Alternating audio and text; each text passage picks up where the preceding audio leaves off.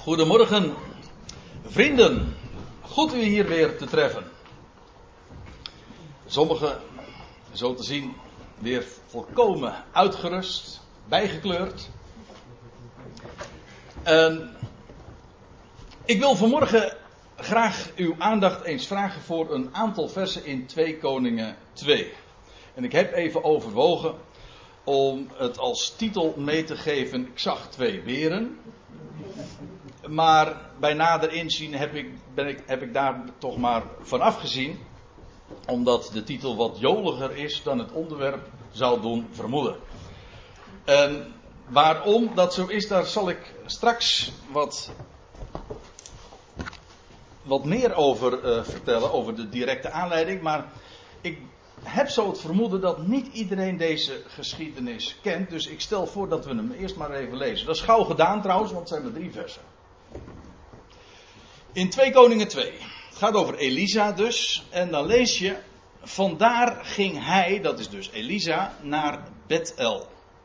En toen hij de weg opklom, kwamen er kleine knapen uit de stad die de spot met hem dreven en hem toeriepen: Kom op, kaalkop, kom op, kaalkop.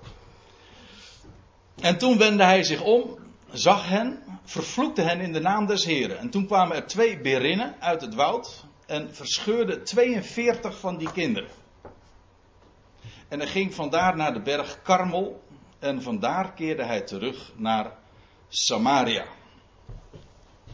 En wie van u kende deze geschiedenis? Ja, nou dat is een heel aantal, maar toch ook een heel aantal niet. Ik zal u vertellen hoe ik hier zo toe kwam.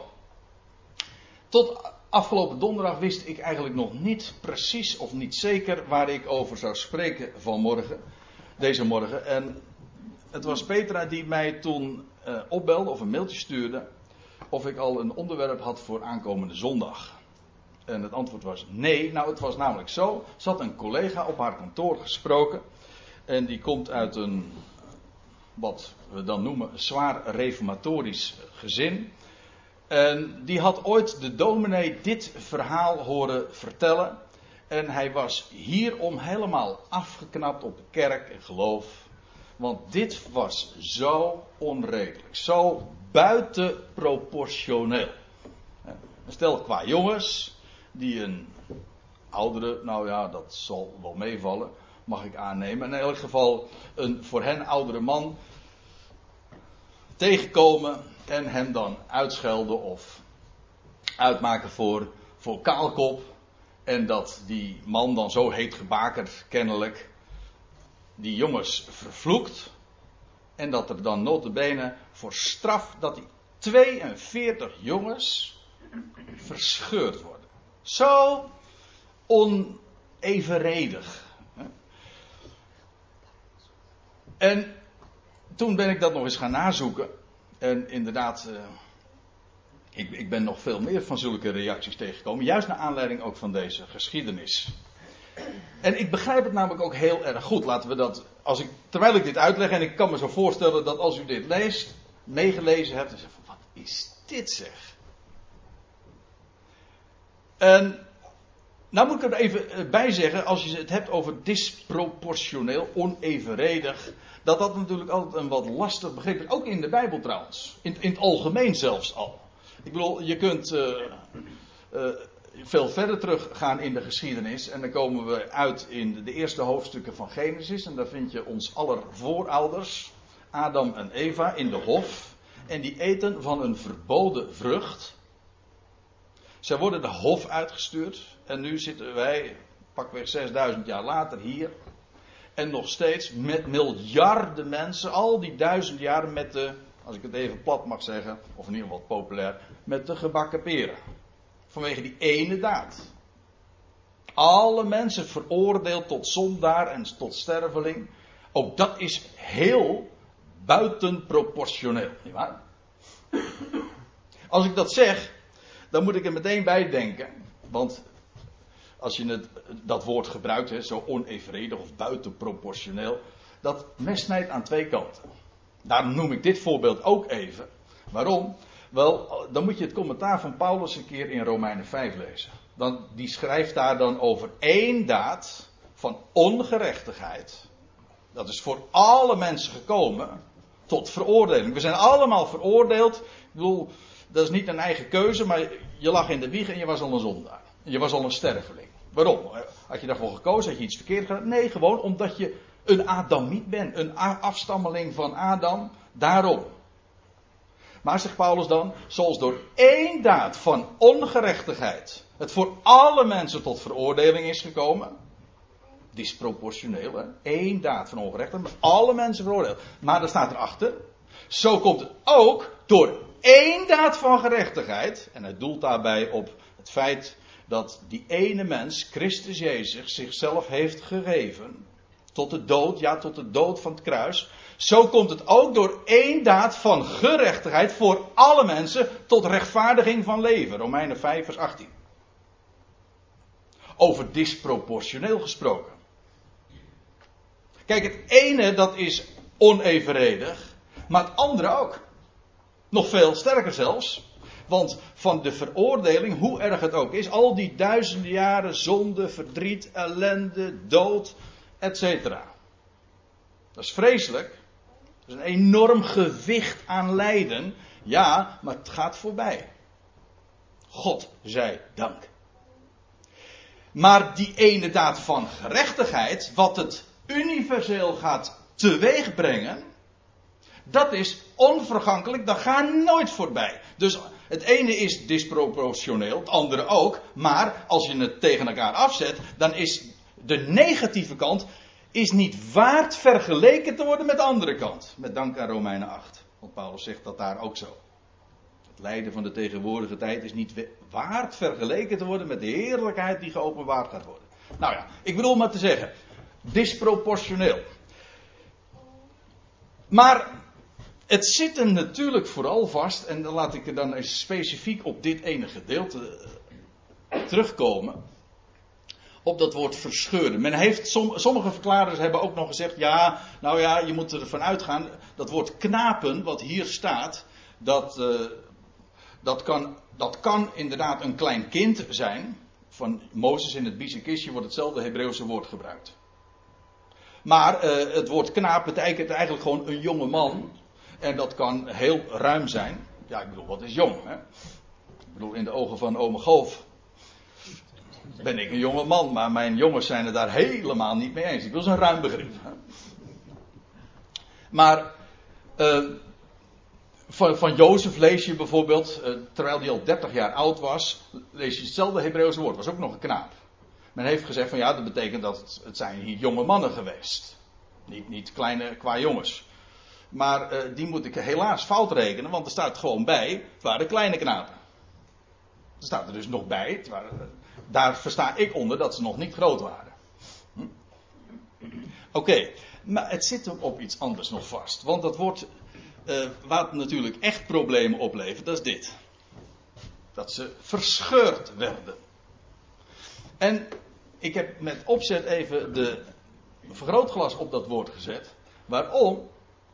Omdat hier, zoals u weet, eh, de Bijbel is niet geschreven in Nederlands, maar dit deel van de Bijbel is geschreven in het Hebreeuws. Nou, er wordt hier een specifiek Hebreeuws woord gebruikt. Laten we eens eventjes inzoomen. Dit woord is het in het Hebreeuws. Dit is de Engelse letterlijke vertaling. Dat Hebreeuwse woorden, voor degenen die bijbelstudie doen, dat actief uh, daarmee bezig zijn, die kennen dat wel, zulke codering. Strongnummer 1, 2, 3, 4, makkelijk onthouden. Het Hebreeuwse woord is baga. En de letterlijke, dat wil zeggen de primaire betekenis van het woord is splijten of splitsen. Het woord komt 51 keer voor in het Oude Testament. Ik bedoel, uh, dit specifieke Hebreeuwse woord wordt 51 keer gebruikt. En dan, nou, nou komt het. Van die 51 keer wordt het twee keer vertaald met verscheuren. En dat is hier dus, in 2 Koningen 2, wat we zojuist hebben gelezen. En nog een keer in Hosea 13, vers 8. Alle overige keren krijgt het een andere verklaring. En het heeft alle, uh, allerlei uh, vertaalwoorden meegekregen, maar altijd is de fundamentele gedachte, de primaire gedachte is van splijten.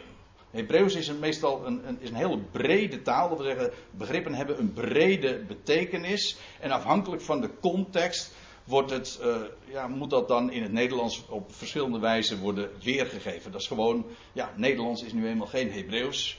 En het idioom, zoals dat dan heet, het taal eigen, is nu eenmaal verschillend. Nou, van die 51 keer wordt het dus twee keer vertaald met verscheuren, zoals hier. Maar verder wordt het vertaald met, nou, laten we eens eventjes, ik zal een, een kort lijstje geven.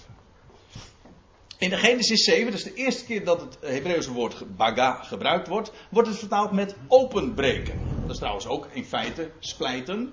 Eh, dan lees je, op die dag braken alle kolken der grote waterdiepte open. De tweede keer dat het gebruikt wordt, dat is in Genesis 22, vers 3. Dan wordt het vertaald met kloven. Het werkwoord kloven, maar dat is eigenlijk ook splijten natuurlijk. Hij kloofde het hout voor het brandoffer in de geschiedenis van Isaac die geofferd zou worden. In Exodus 14, vers 21 wordt het vertaald letterlijk met splijten. Ik zei al, dat is ook de primaire betekenis van het woord. Meestal wordt het trouwens ook van die 51 keer zo weergegeven. Bijvoorbeeld in Exodus 14 gaat het over de, de Schelfzee, de Rode Zee, die middendoor gespleten wordt. En de wateren werden gespleten. Jezaja 58, ik geef een betrekkelijk willekeurige greep. Ik wil u alleen maar duidelijk maken van hoe het zo al weergegeven wordt. Met doorbreken. Of doorbreken, zo moet ik het zeggen.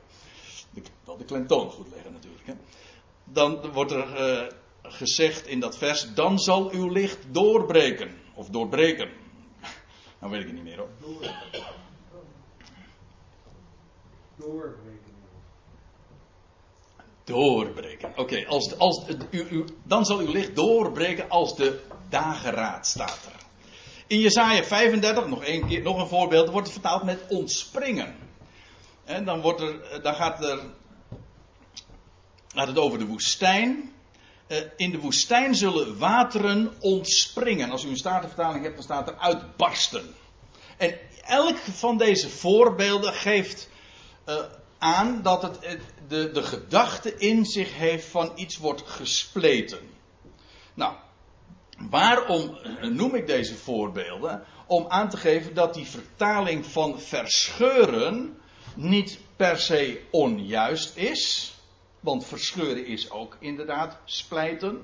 Dat kan. Maar zoals ik al laat zien, liet zien, eh, het woord eh, kan ook eh, op andere wijze worden weergegeven. De gedachte zit, in, zit erin van, van splijten. Maar dat kun je natuurlijk zo individueel opvatten. Dit is een heel luguber plaatje die ik gevonden heb op internet. Van hoe het dan voorgesteld wordt. Ik stel me zo voor dat hier op de zondagschool vanmorgen niet dit verhaal verteld wordt. Ik denk trouwens dat het in het algemeen niet vaak verteld wordt op de zondagschool. Ondanks het feit dat er kleine kinderen in, in het verhaal voorkomen. Maar. Uh, nou, totdat je weet wat het werkelijk betekent. En daarom laat ik het natuurlijk ook vanmorgen zien. En wil ik er wat meer over uh, vertellen. Nou, uh, men geeft het dus deze betekenis weer. Dat zou kunnen. Dat de Hebreeuwse begrip is breed genoeg om het die betekenis te geven. Je kunt het dus opvatten als individueel werden ze allemaal gespleten, verscheurd. Maar je kunt het ook als collectief opvatten. En dan wordt de groep verscheurd. De, de 42 werden verscheurd, dat wil zeggen gespleten. Daar gaat de kleine kraam. Hè? Oh, oh, sorry. Dat, ja, dat zag ik niet hoor. Ja, maar ik ben geen Eliseo. Nee, kijk, dan krijg je deze betekenis. Toen kwamen er twee berinnen uit het woud. En dreven de 42 van de kinderen uiteen. Hè?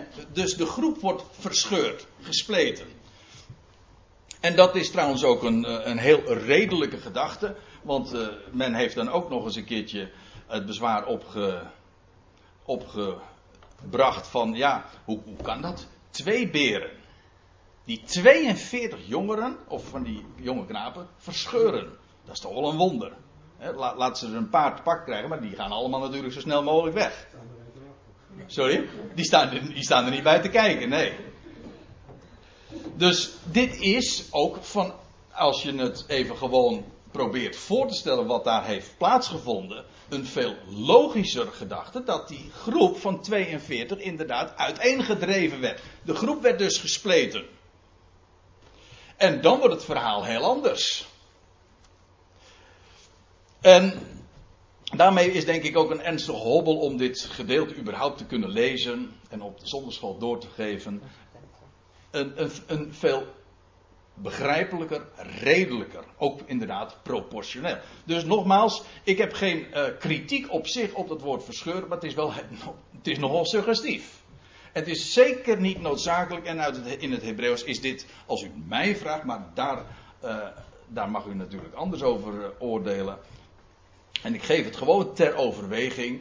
Ik heb de bonnetjes op tafel gelegd, dus uh, onderzoek dat zelf. Is dit een hele normaal, redelijke gedachte? Die berinnen die kwamen tevoorschijn en die hele groep van 42 is uiteengedreven. Dat is één ding.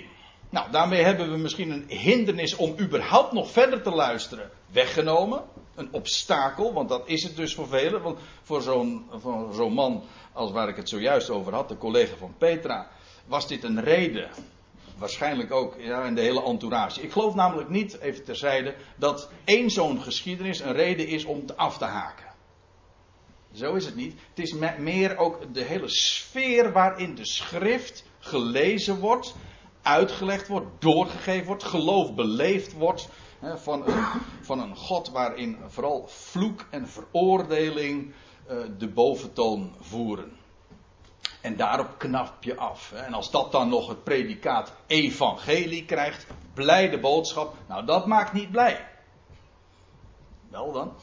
Nou, ik vind dat ik dit dus ook gewoon door moet geven. En dat heb ik bij deze gezegd. Maar daarmee heb ik misschien een, een, een, een belangrijk obstakel weggenomen. Maar daarmee heb ik, mijns inziens, nog niet het belangrijkste gezegd.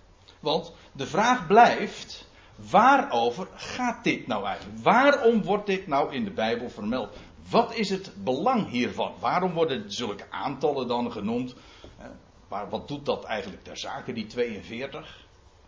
Ja, ik ga u dan vertellen dat al de schrift, daar ga ik op voorhand van uit, dat is mijn uitgangspunt, mijn axioma. Al de schrift is van God ingegeven. Het geweldige is als je de Bijbel ook inderdaad zo consistent als eenheid benadert dan word je daar altijd in bevestigd. Als je de Bijbel beschouwt als een, als een verzameling van allemaal menselijke boeken, dan bekijk je zo'n gedeelte op zichzelf. Ja, het zijn toch allemaal losse boeken? Allemaal verschillende menselijke auteurs. Ja, maar als het inderdaad is wat het pretendeert te zijn, namelijk de schrift, met uiteindelijk één auteur, dan blijkt die dan blijken al die boeken dus een eenheid te vormen. Die bibliotheek is dus in werkelijkheid, een, waar ik het vorige keer over had, dus die 70 boeken. Het is een eenheid, een volmaakte eenheid. En dan, dan, dan verwijst het ene gedeelte naar het andere. Het ene deel verklaart ook het andere deel. En wat ik u vanmorgen wil laten zien, is behalve deze inleiding over dat het verscheuren in werkelijkheid over uit, uiteendrijven gaat, maar dat is één ding. Wat ik u wil laten zien, is dat dit profetisch is. En dan moeten we eventjes het, het voorgaande erbij betrekken. Dat moet, ik kom dus terug op dit gedeelte. Dat, dat is, daar wil ik wat meer over vertellen. Maar ik wil ook even wat vertellen over de voorgeschiedenis hier in 2 Koningen 2. Wat ik hier wil laten zien, is dat heel de schrift profetisch is. En heel de schrift spreekt van hem die zou komen. De man Gods. De man Gods, en ik zeg dat eventjes voor de Bijbelkenners, maar degene die het niet direct oppakken. De man Gods, is de aanduiding meestal van Elia of van Elisa, zo worden ze genoemd. Maar de man Gods in de Bijbel is natuurlijk uiteindelijk de titel voor de Messias die zou komen. Hij is het waar heel de schrift over spreekt. Het was ooit de opgestane zelf die, die zich voegde bij die twee mannen die op weg waren naar Emmaus. En dat hij zegt van, oh onverstandige en trage van hart. Dat je niet verstaat al de schrift. En hij begon uit te leggen. te beginnen bij Mozes en al de profeten en al de schriften, wat op hem betrekking had. En ik zal u laten zien, ook twee koningen 2 maakt daarop geen uitzondering.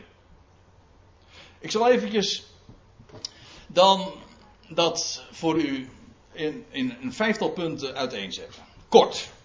Ik blijf er even goed bij, de les, als u wil. Want anders kon je zomaar iets, iets eh, ontgaan.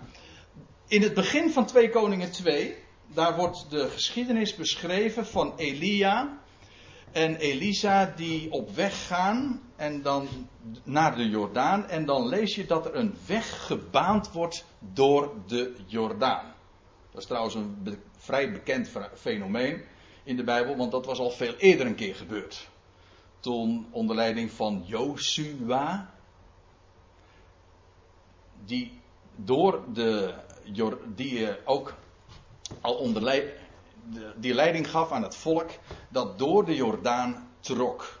Op een wonderlijke wijze, er wordt dan een weg vrijgemaakt. Vanaf Adam staat er, ging het droog liggen. Denk er even over na. Ja.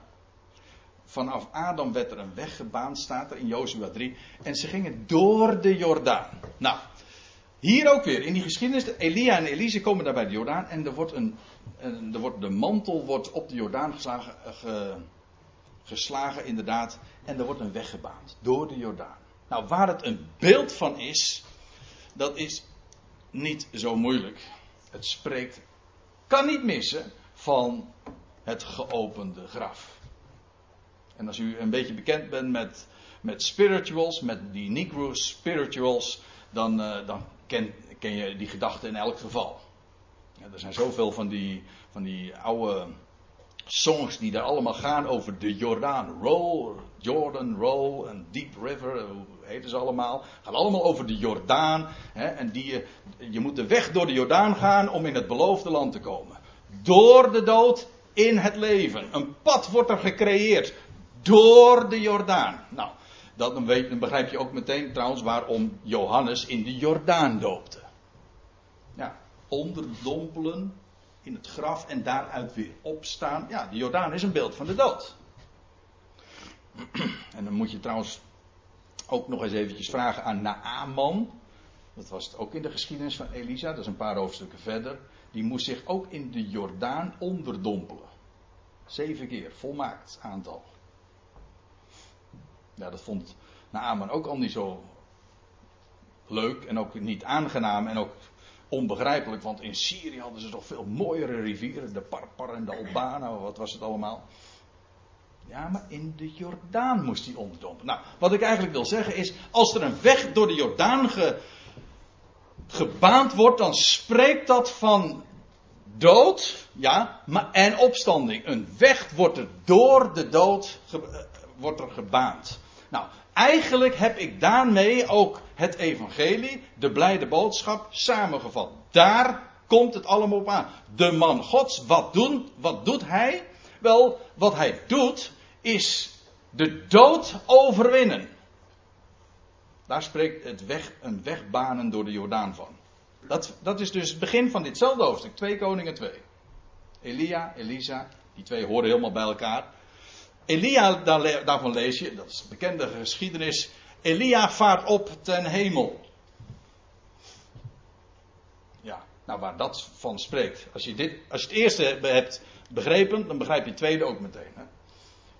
Er wordt een weg door de Jordaan gebaand. Vervolgens is het Elia die opstijgt naar boven. Go like, ik, ik had het over spirituals. Uh, go like Elijah. Maar dat was weer een andere. Jack Coltrane, ja, was dat. I want to go like Elijah when I go, when I die. Nou ja, ik, ik zal maar niet uh, voor gaan zingen. Het, het wel hoor. Uh, Oké, Elia vaart op ten hemel. Waar het een beeld van is, is uiteraard van de hemelvaart. Dat is in dit geval helemaal niet moeilijk. En wat ik eigenlijk ook daarmee zeggen wil, eigenlijk Elia en Elisa, die horen bij elkaar. Elisa is een beeld van hem die de rol dan overneemt van Elia. van, het is een beeld van de, de Christus na zijn opstanding en hemelvaart. Dus nadat er een weg is gebaand door de Jordaan, nadat Elia ten hemel is gevaren, dan is het Elisa die vervolgens diens rol overneemt. De geest, de geest van Elia rust op Elisa. Ik weet niet hoe u het hebt, maar die geschiedenissen van Elia, Elisa, je haalt ze altijd door elkaar. Dat begint al bij hun naam. Elia, Elisa. Maar het blijkt ook wel, want allerlei geschiedenissen die, in de, die een rol spelen in, en wonderen ook, die een rol spelen in het leven van Elia, die komen weer terug in het leven van Elisa. Alleen een dubbel deel. Echt waar. Elia, van Elia lees je acht wonderen, van Elisa 16. Je leest ook dat hij een dubbel deel kreeg van Elia. Niet, Elia liet ook heel demonstratief toen hij ten hemel voer, liet hij zijn mantel achter. En die, die kreeg Elisa. Dat is eigenlijk een uitbeelding van de rol van Elia. Die ging nu over, zijn jasje werd overgedragen als het ware aan Elia. Uh, nou, zit ik zo weer door elkaar te halen. Ja, door, eh, door Elisa. Dat is, ik illustreer daar met dit foutje precies wat ik dus bedoel. Het is, die, die, die koppel hoort bij elkaar. Elia is het beeld van, van hem die opstond uit de doden en ten hemel voer. Elisa is een beeld van hem die, die vervolgens zijn rol overneemt. De opgewekte, de verheerlijkte. En dan lees je nog dat Elia drie dagen wordt gezocht. Door die profetenschool, die helemaal niet begrijpt wat er aan de hand is. Het, waren allemaal, het was een profetenschool, heel interessant. Ze werden opgeleid, maar ze begrepen van het woord maar heel weinig. Nou moet ik ineens weer denken aan de, aan de toespraak die ik een paar weken geleden hier hield. Toen hadden we het eigenlijk ook over dat fenomeen. Je kunt wel, je kunt wel de, de titels hebben en de eer toegekend hebben, eh, een schriftgeleerde zijn, maar het gaat erom, ken je de schrift werkelijk? Je zeggen van ja, ik heb een opleiding genoten. Ja, daar gaat het niet om. Kijk, van die Elia, die, die wordt dan een paar dagen gezocht. Drie dagen. Ja, die drie dagen heeft, hebben in de Bijbel altijd te maken met, ook weer met dood en opstanding. En nou moet ik even iets korts. Ja, op het gevaar af dat, ik, uh, dat een aantal mensen nu afhaken, dat wil zeggen het niet verder meer begrijpen. Maar ik geloof dat die drie dagen verband houden met 3000 jaar. Ik moet er even bij zeggen dat drie dagen, na drie dagen in de Bijbel, ik ga dat niet uitleggen, maar dat is synoniem met op de derde dag. Van de Heer Jezus lees je, hij stond op na drie dagen, maar hij stond ook op op de derde dag. Die drie dagen, wat ik ermee wil zeggen is, Elia, de Messias, die staat op, stond op, de weg door de Jordaan. Hij ging, voer ten hemel en vervolgens is hij zoek voor een paar dagen. Ja, en als je dan vraagt van ja, maar wat betekent dan één dag? Nou, Peter zegt, dit enige liefde mag u niet ontgaan dat bij de Here één dag is als duizend jaar en duizend jaar als één dag. Gaat hij praten over twee keer een dag en twee keer over duizend jaar. Hij refereert daarmee aan een profetie in Hosea waar staat dat, dat Israël twee dagen dood zal zijn. Dat wil zeggen in het graf van de natieën zal liggen. En op de derde dag zal Israël als natie verrijzen uit de dood. En dan staat erbij, en dan zal de Heer tot hen komen. Op welke dag komt de Heer? Mensen zeggen, dat mag je niet zeggen. Ik weet het wel. Op de derde dag, mensen. Staat er gewoon bij, Hosea 6. En dan zegt, en is Petrus die dat uitlegt. Na twee millennia, inderdaad. Maar hij is, die Elia, die is ten hemel gevaren en hij, een paar dagen is hij zoek. Ja, dat is een, een, in feite een prachtig heilshistorisch, als ik dat dure woord mag gebruiken, een heilshistorisch plaatje van de Christus. Je kunt het gewoon allemaal zo in volgorde zetten. En dan lees je vervolgens Elisa, eh, dat is de geschiedenis die direct voorafgaat aan wat we zojuist hebben gelezen over die 42 knapen en die twee berinnen.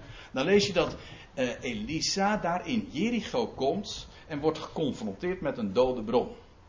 Dat wil zeggen, dat was een goede plaats. Eh, Jericho wordt er dan vermeld. Maar de bron was bitter, was ziekmakend.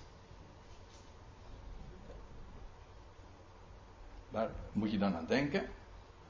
Het zijn allemaal van die parallel. Heel eigenaardig, want uh, je leest in de geschiedenis van Mara, is, van Israël ook, dat ze door de Schelfzee getrokken zijn. Ja.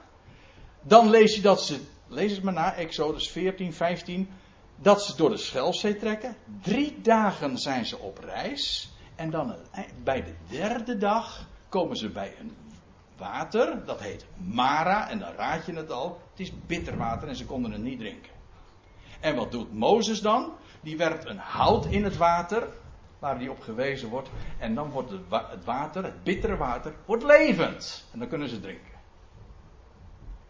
Parallel daarmee vind je Elisa hier ook een weg gebaand door het water paar, drie en dan vervolgens die beschrijving van die drie dagen. En dan is het Elisa die ook een bitter water zoet maakt. Dat wil zeggen dat bittere, ziekmakende water, het veroorzaakt een misgeboorte, et cetera. Dat is alleen maar ellende. Hij maakt de bron zoet. Nou, je leest dan dat hij dat doet. Dan vraagt hij of, of er een nieuwe schaal gebracht kon worden met zout.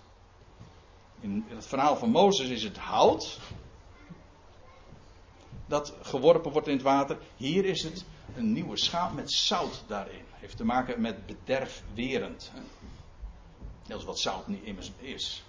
Nou, wat het op neerkomt, is uh, die bron. Ik moet het even kort zeggen, maar dan gaan we vervolgens naar die andere geschiedenis waar we, het, waar we echt eventjes bij willen stilstaan.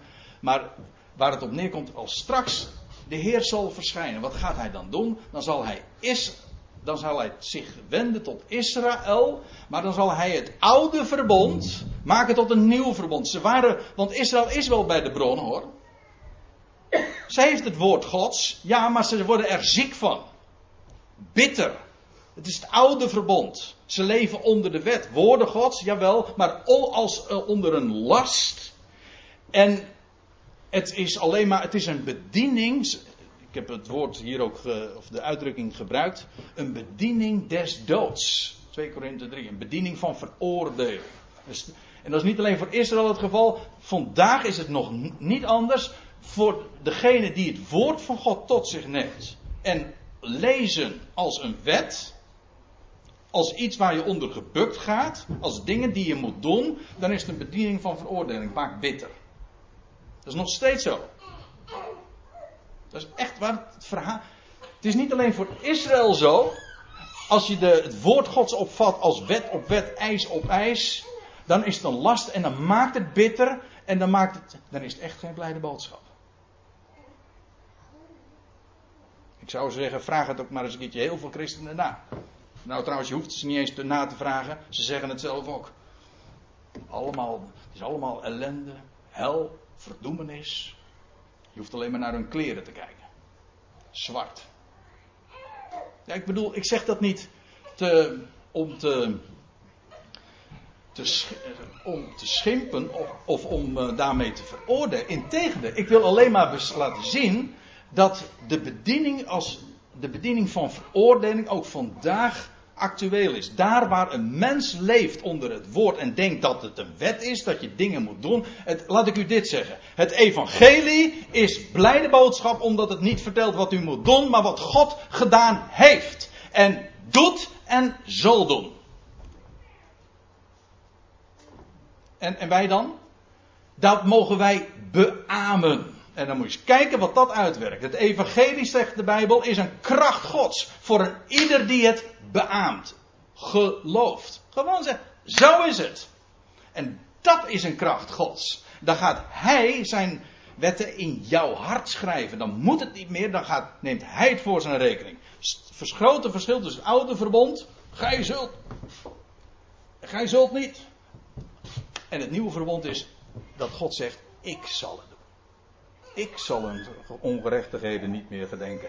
Ik zal mijn wetten in hun harten schrijven, et cetera. Allemaal. Ik zal, ik zal, ik zal, zegt de Heer. Kijk, dat is blijde boodschap. Dat zouden we vertellen. Dat mogen we doorgeven. Dat is wat Israël straks zal ontdekken. De bittere bron zal gezond gemaakt worden. Nou, en nou komen we dan eindelijk aan bij 2 Koningen 2.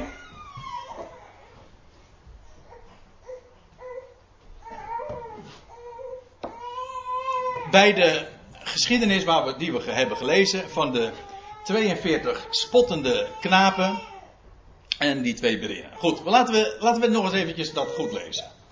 En we houden eventjes in gedachten de profetische betekenis van wat we zojuist al uh, zagen in, in 2 Koningen 2. Het, spreekt van de man Gods, van de Christus. Oké. Vandaar ging hij, dat is dus uh, Elisa, naar Bethel. Bethel, dat is het huis Gods. Dat betekent bed, betekent, nee, dat betekent niet eh, met een T dus. Hè. Bait is huis. Bethlehem, Bethlehem, huis van brood. Bet-El betekent huis van God. El, God. Waarom heette die plaats zo? Nou, dat zou je aan Jacob moeten vragen in Genesis 28. Jacob die een droom had, weet u nog? Zag hij de hemel geopend en een weg zag hij gebaand. Niet zo, maar zo, verticaal. En dan, dan ontwaakt hij, had zijn hoofd gelegd op een steen. En dan ontwaakt hij en dan zegt hij: Deze plaats is niets anders dan een huis Gods. En hij noemde dezelfde plaats Bethel. Huis Gods.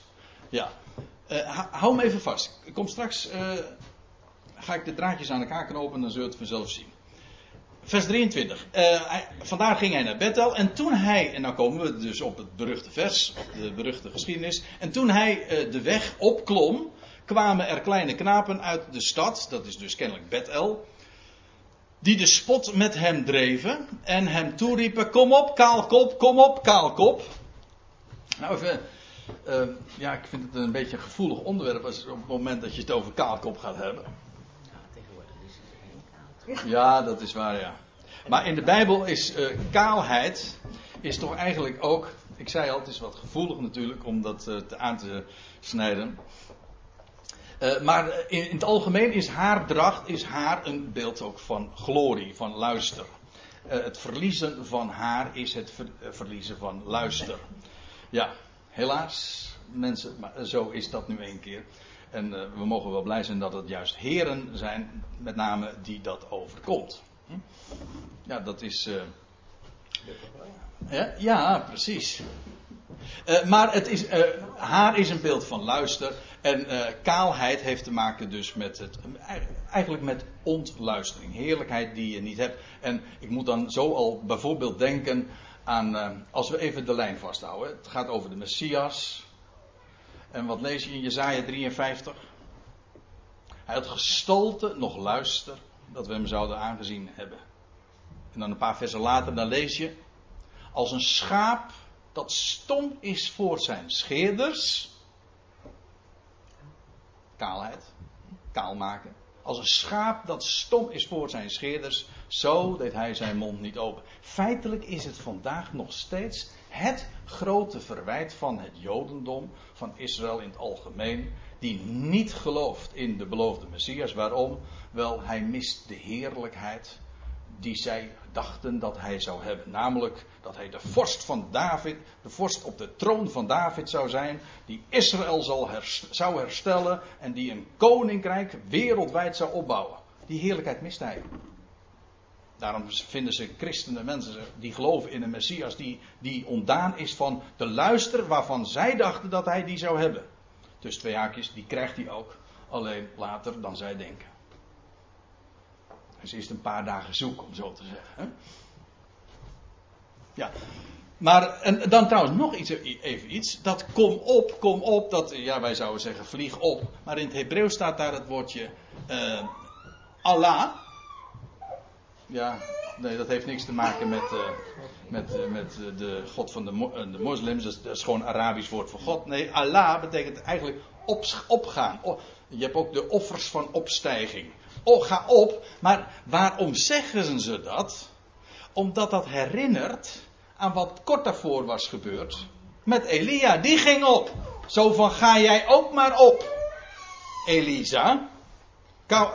Dus dit was dus echt lastig. Want het refereerde aan een daad van God die bekend was. Elia was ten hemel gevaren. Dat was, hij was op een goddelijke wijze was hij van de aard geheven. Op een licht, ik moet dan denken, op, op een lichte wolkenwagen is de Heer vandaag gedragen. Ga op, kaalkop. Ga op, kaalkop. Dat is het uh, idee. En daaraan uh, herinneren ze hem. En dan lees je, toen wendde hij zich om. Dus hij, hij, draait zich om. Hij zag hen en hij vervloekte hen in de naam des Heeren. Waar, van waar die reactie? Wel, omdat hier verwezen werd naar dat wat gebeurd was met Elia. Het was niet het punt van die kaalkop. Maar het punt was dat ga op. Dat daar de spot gedreven werd met een daad gods. Dat Elia kort tevoren uh, op een goddelijke wijze was verdwenen. Daar, vandaar ook deze reactie. En dan lees je, toen kwamen er die, twee berinnen uit het woud en verscheurden 42 van die kinderen. Nou, over dat verscheuren hadden we het zojuist. Over, eh, in de letterlijke zin is het dus maar zeer de vraag of het over verscheuren gaat of over uiteendrijven. Daar had ik het al over. Dus, maar in overdrachtelijke zin moet ik zeggen, klopt het wel. Kijk, die spottende kinderen van Bethel, dat spreekt van het ongelovige Jeruzalem. Ik, ik, hou het nog even vast aan de profetische betekenis. Ik bedoel, het verhaal kennen we. Nou gaat het er vervolgens om. Hè, je houdt het tegen het licht en dan wil je het, het watermerk zien. Hm? Dan zie je het overal, welk gedeelte je ook in de Bijbel tegen het licht houdt. Je ziet altijd het watermerk. En wat bedoel ik daarmee? De Christus. Dat zie je ook hier. Kijk, die mannen van Bethel, of die jonge knapen van Bethel. Bethel, ik zei al, dat is het huis Gods. De, de stad van het huis Gods, dat is Jeruzalem. Maar hier zijn het spotters. Die die man Gods vervloekt, nou, vervloeken, of in ieder geval bespotten. En zeggen van, hij mist, heerlijkheid, kaalkop, ga op. Waar is die dan? Ja, het spreekt van het ongelovige Jeruzalem. En dan, moet ik, dan ga ik er even gemakshalve van uit dat u met mij ook gewoon de schrift gelooft, ook als het gaat over de toekomst voor Israël. God heeft een toekomst voor zijn volk Israël. En hij zal hen straks herstellen, jawel, maar wat er nog aan vooraf gaat is dit. Dat is dat Jeruzalem, dat zal onder de voet gelopen. Dat Jeruzalem dat hem verwerpt, dat hem dat inderdaad in overdrachtelijke zin zegt: kaalkop, ga op. Dat zal onder de voet gelopen worden. Dat staat in het boek Openbaring. En let op wat er dan staat. In Openbaring 11, vers 8, daar lees je eh, over de grote stad. En die, die wordt geestelijk genaamd Sodom en Egypte. En er staat erbij al waar ook een Heer gekruisigd werd. Dus dan weet je meteen over welke stad het gaat. Ge het is de stad waar hun Heer gekruisigd was. Het gaat hier over die twee getuigen, by the way. Maar uh, het gaat even, geestelijk wordt het genoemd.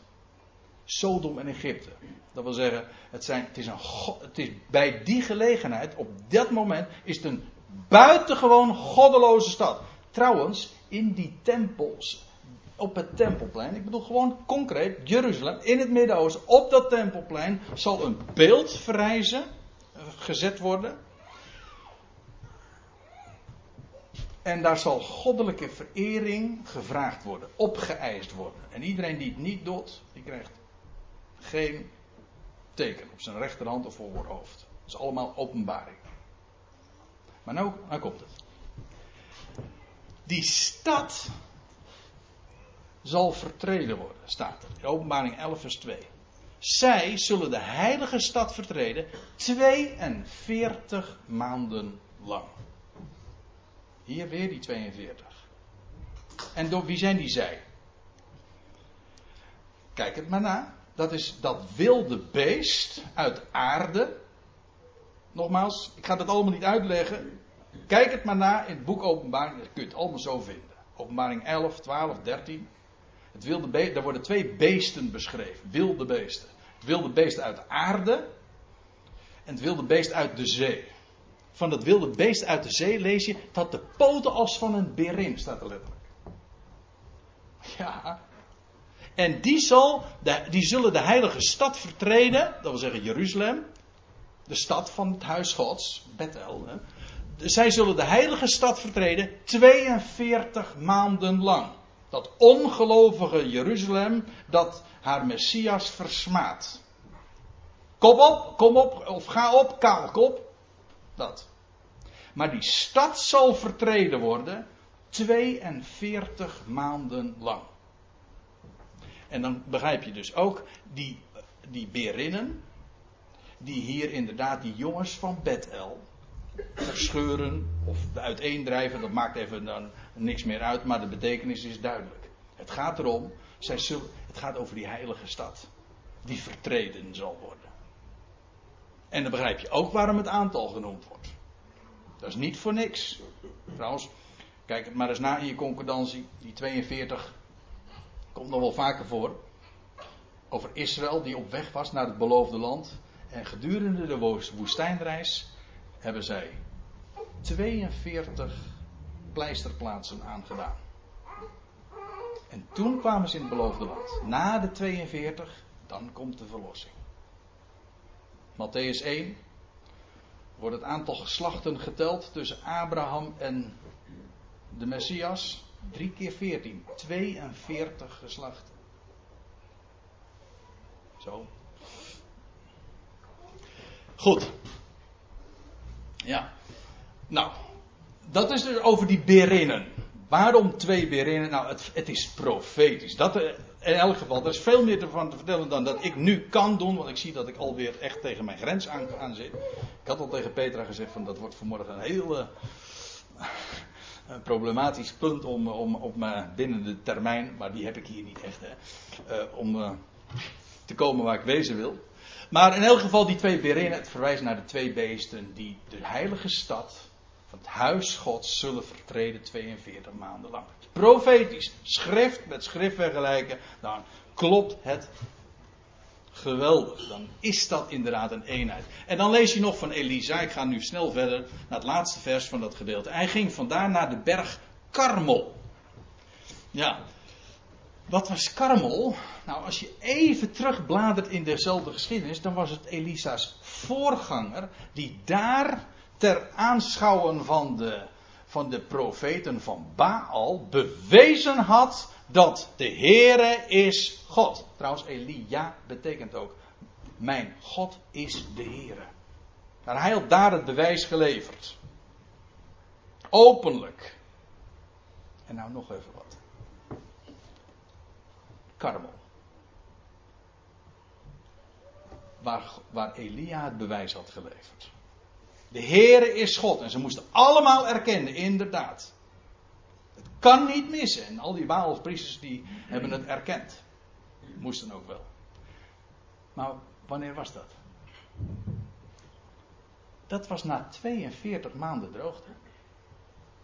Heb je het weer? Er staat drie jaar en zes maanden. Tel het maar na. Dat is 42 maanden. Of 1260 dagen, of jaar, drieënhalf jaar is allemaal hetzelfde. Of tijd, tijden en een halve tijd. Al die, die benamingen kom je zo in de Bijbel tegen. Ziet u, hij ging naar naar de berg Karmel. Dat is de berg van die heerlijkheid waar God het bewijs had geleverd. Op demonstratief. Ja, dat is een bewijs altijd. Demonstratief. Hij, de Heere, is God. De berg verwijst inderdaad naar de heerlijkheid. Trouwens, dat is karmel sowieso. Want nou eventjes, nog iets anders. Dat is wel grappig even. Want de karmel staat bekend om zijn wilderige kruin. ja, ja, dat wat dus Elisa ontbrak, werd gecompenseerd zeg maar door de karmel. Ja, ik vind het wel leuk om, uh, om dat in dit verband spreken we in het Nederlands allebei ook van een kruin. De kruin van, een, van je hoofd, of de kruin van boom, of de kruin van een berg. Is allemaal de kruin, dat is eigenlijk de kroon trouwens. Nou, in elk geval, dat, uh, dat is de karmel. Heel vaak in de profetieën. Zelfs in de beeldspraak werd het gebruikt. Moet u, want dat verzin ik niet hoor. Want het staat in, Hoog, in Hooglied 7, vers 5. Daar lees je, wordt, wordt er van de bruid, of van de bruidegom, daar blijf ik even vanaf. Wordt er gezegd, uw hoofd, is op, uw, uw hoofd op u is als de karmel, uw haardos is als purper. Dus daar wordt, die, daar wordt de weelderige begroeiing van de top van de karmel wordt vergeleken met een, een haardos. Grappig hè? Eerst kaalkop, eerst Elisa, die wordt, ja, je ontbreekt de heerlijkheid, ja, maar die krijgt hij alsnog. Dan gaat hij namelijk naar de karmel toe, naar de berg. Het heeft te maken met het feit dat de Heer straks inderdaad gaat bewijzen wie hij is. Dan zal hij op de berg verschijnen. Zijn voeten zullen op de berg staan. Dan zal het bewijs geleverd worden wie de Heere God is. En weet u wat hij dan gaat doen? Dan gaat hij vervolgens naar de. Naar, ja, dan zal hij verschijnen en gaan en zijn troon opzetten in Jeruzalem, de hoofdstad van Israël. Ja, van Elisa lees je, hij verkeerde vandaar terug naar Samaria. Maar laat ik u dit vertellen: Samaria was de hoofdstad van Israël. Toen, namelijk van de tien stammen. Zodat als je het plaatje even in zijn geheel uh, beziet, dan kan het niet missen dat twee koningen twee de schijnwerpers op alle mogelijke manieren richten op de man God, op de opgestaande Messias. En ik zal u eventjes nog.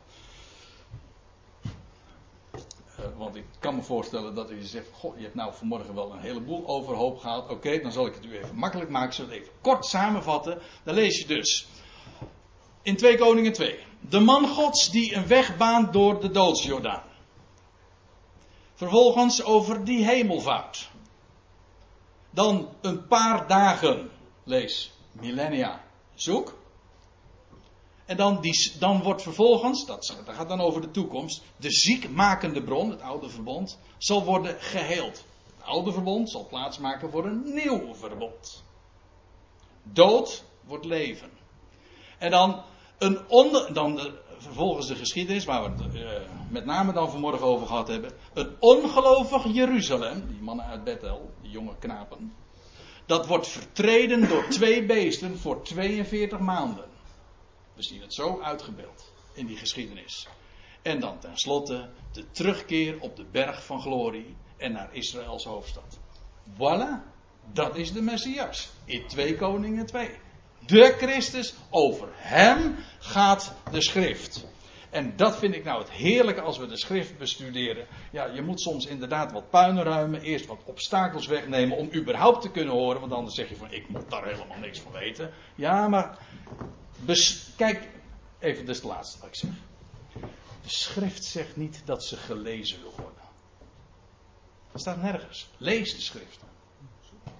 Er staat, nou daar hadden we het de vorige keer dus over onderzoekt de schrift. Soms kan lezen, ja, ik ga nou iets tricky zeggen, maar soms kan het lezen van de schrift heel gevaarlijk zijn.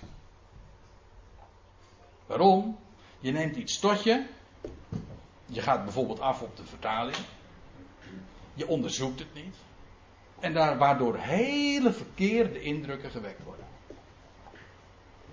Daarom, het gaat niet om het lezen van de schrift, er staat in de Bijbel, onderzoekt de schriften. Want die zijn het die van mij getuigen. En dan moet je inderdaad zoeken. Dan moet je onder de oppervlakte wezen. Maar wat vind je dan?